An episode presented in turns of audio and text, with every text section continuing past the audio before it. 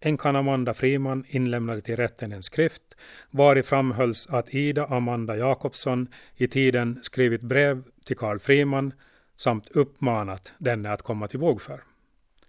I skriften gjordes även gällande att icke mördade Friman utan Ida Amanda Jakobsson framkallat förhållandet, eller i varje fall icke velat förhindra detsamma. Det kunde ej heller med fog sägas att Friman varit elak. Sjöbergsson får svar på tal av CR i tidningen Åland. Frimans skötesynd tyckes dock ha varit att våldföra sig på kvinnor och synnerligast barn. Och var det sistnämnda enligt ett gängse rykte det som orsakade hans egen dotters emigration till Amerika.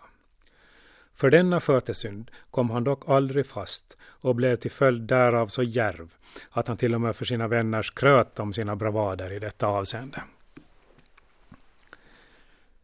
Friman uppges ha sagt sig föredra ungt kvinnfolk, ej gammalt. Rättegångsreferatet berättar följande. Fiskaren Erik Rosenberg från Ytternäs intygade att Friman en gång för flera år sedan sökt våldföra sig mot vittnets dotter Hanna, som då varit blott 13 och 14 år gammal. Frimans smutsiga avsikter hade likväl genom faderns inskridande omintetgjorts. Den förres dotter Hanna bekräftade faderns utsago samt tillade att Friman en annan gång lockat henne hem till sig i avsikt att utföra samma nesliga plan men att han även då blivit förhindrad i detta sitt förehavande. Försvarets linje var tydlig.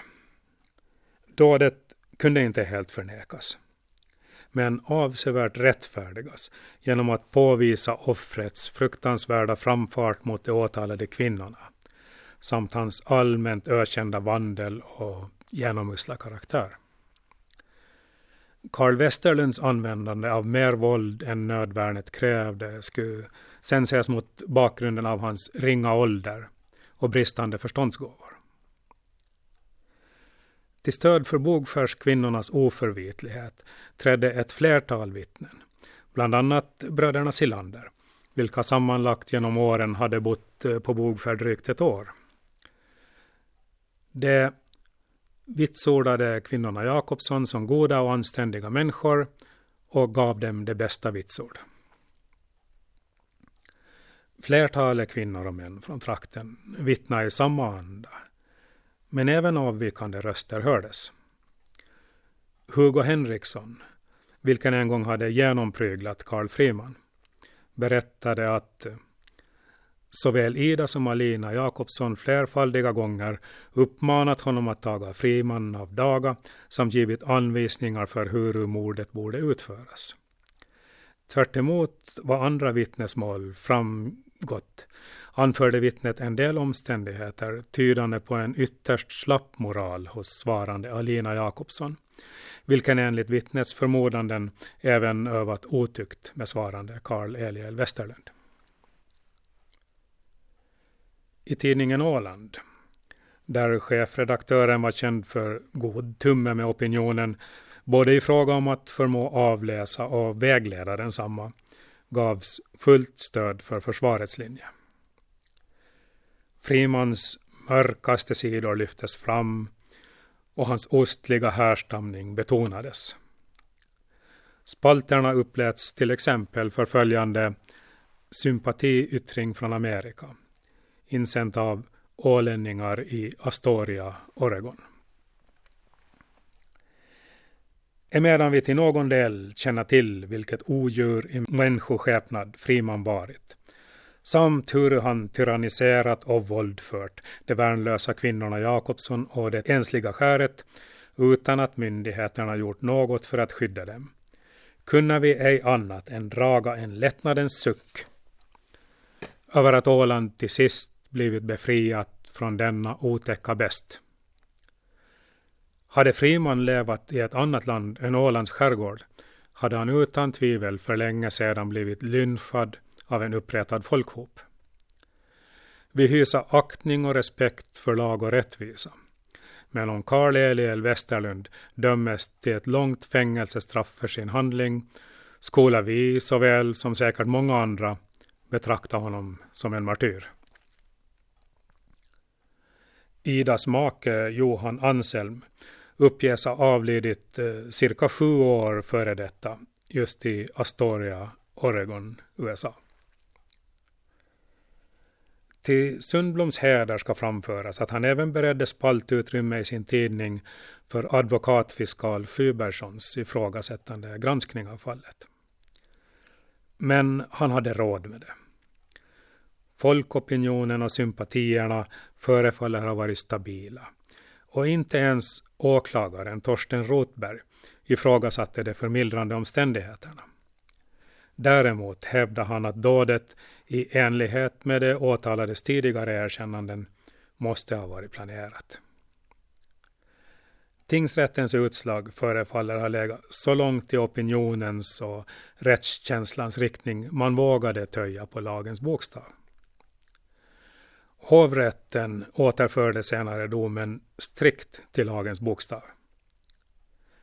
Tendenser att ta lagen i egna händer måste stävjas och i fråga om mord eller viljadråp gavs ringa marginal för förmildrande omständigheter.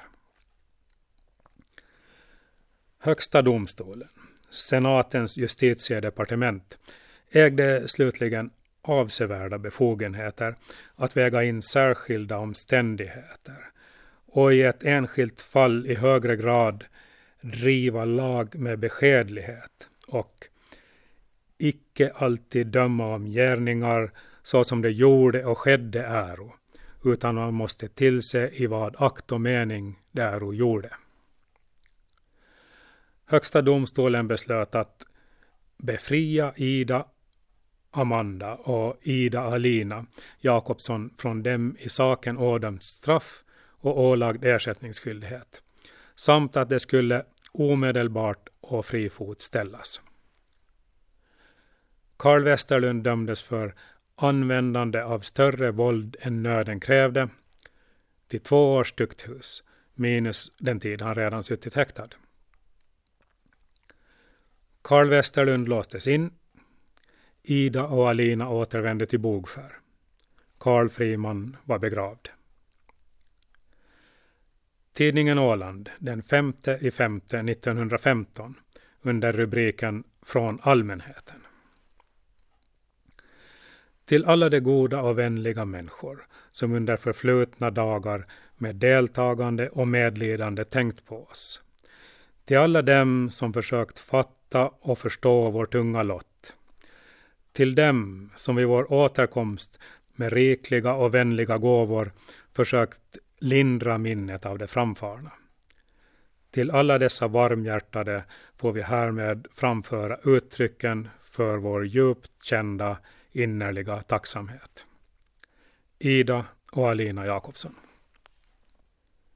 Karl Frimans änka Amanda hade hela tiden fortsatt sitt liv på Lillbroskär. Inte yttrat sig vid rättegångarna och inte kommit med några anspråk. För mig har Amanda förblivit en av dramats gåtor. Så här beskrivs hon i en sammanfattning av hennes släktutredning. 1881 var hon piga i Stentorpa. 1881 till 82 är hon piga i Sonboda. 1885 kommer hon från Sottunga. 87 flyttar hon som piga till Finnholma nummer 2, Görans. 1890, 20 juli, gifter hon sig med Friman, 30 år. På hösten får hon Alma. Amanda dog i lunginflammation, 74 år gammal. Manda var väldigt duktig att laga mat av nästan ingenting och det uppskattades av maken Friman som yttrade att den lade sig som bomull runt hjärtat. Manda talade aldrig illa om Friman och vände alltid det bästa. Hon var en ärlig kvinna som hade en tro på Gud. Hon rodde ofta till stan för att sälja fisk och ibland så sålde hon tvättad lump som hon fick några pennykilo för.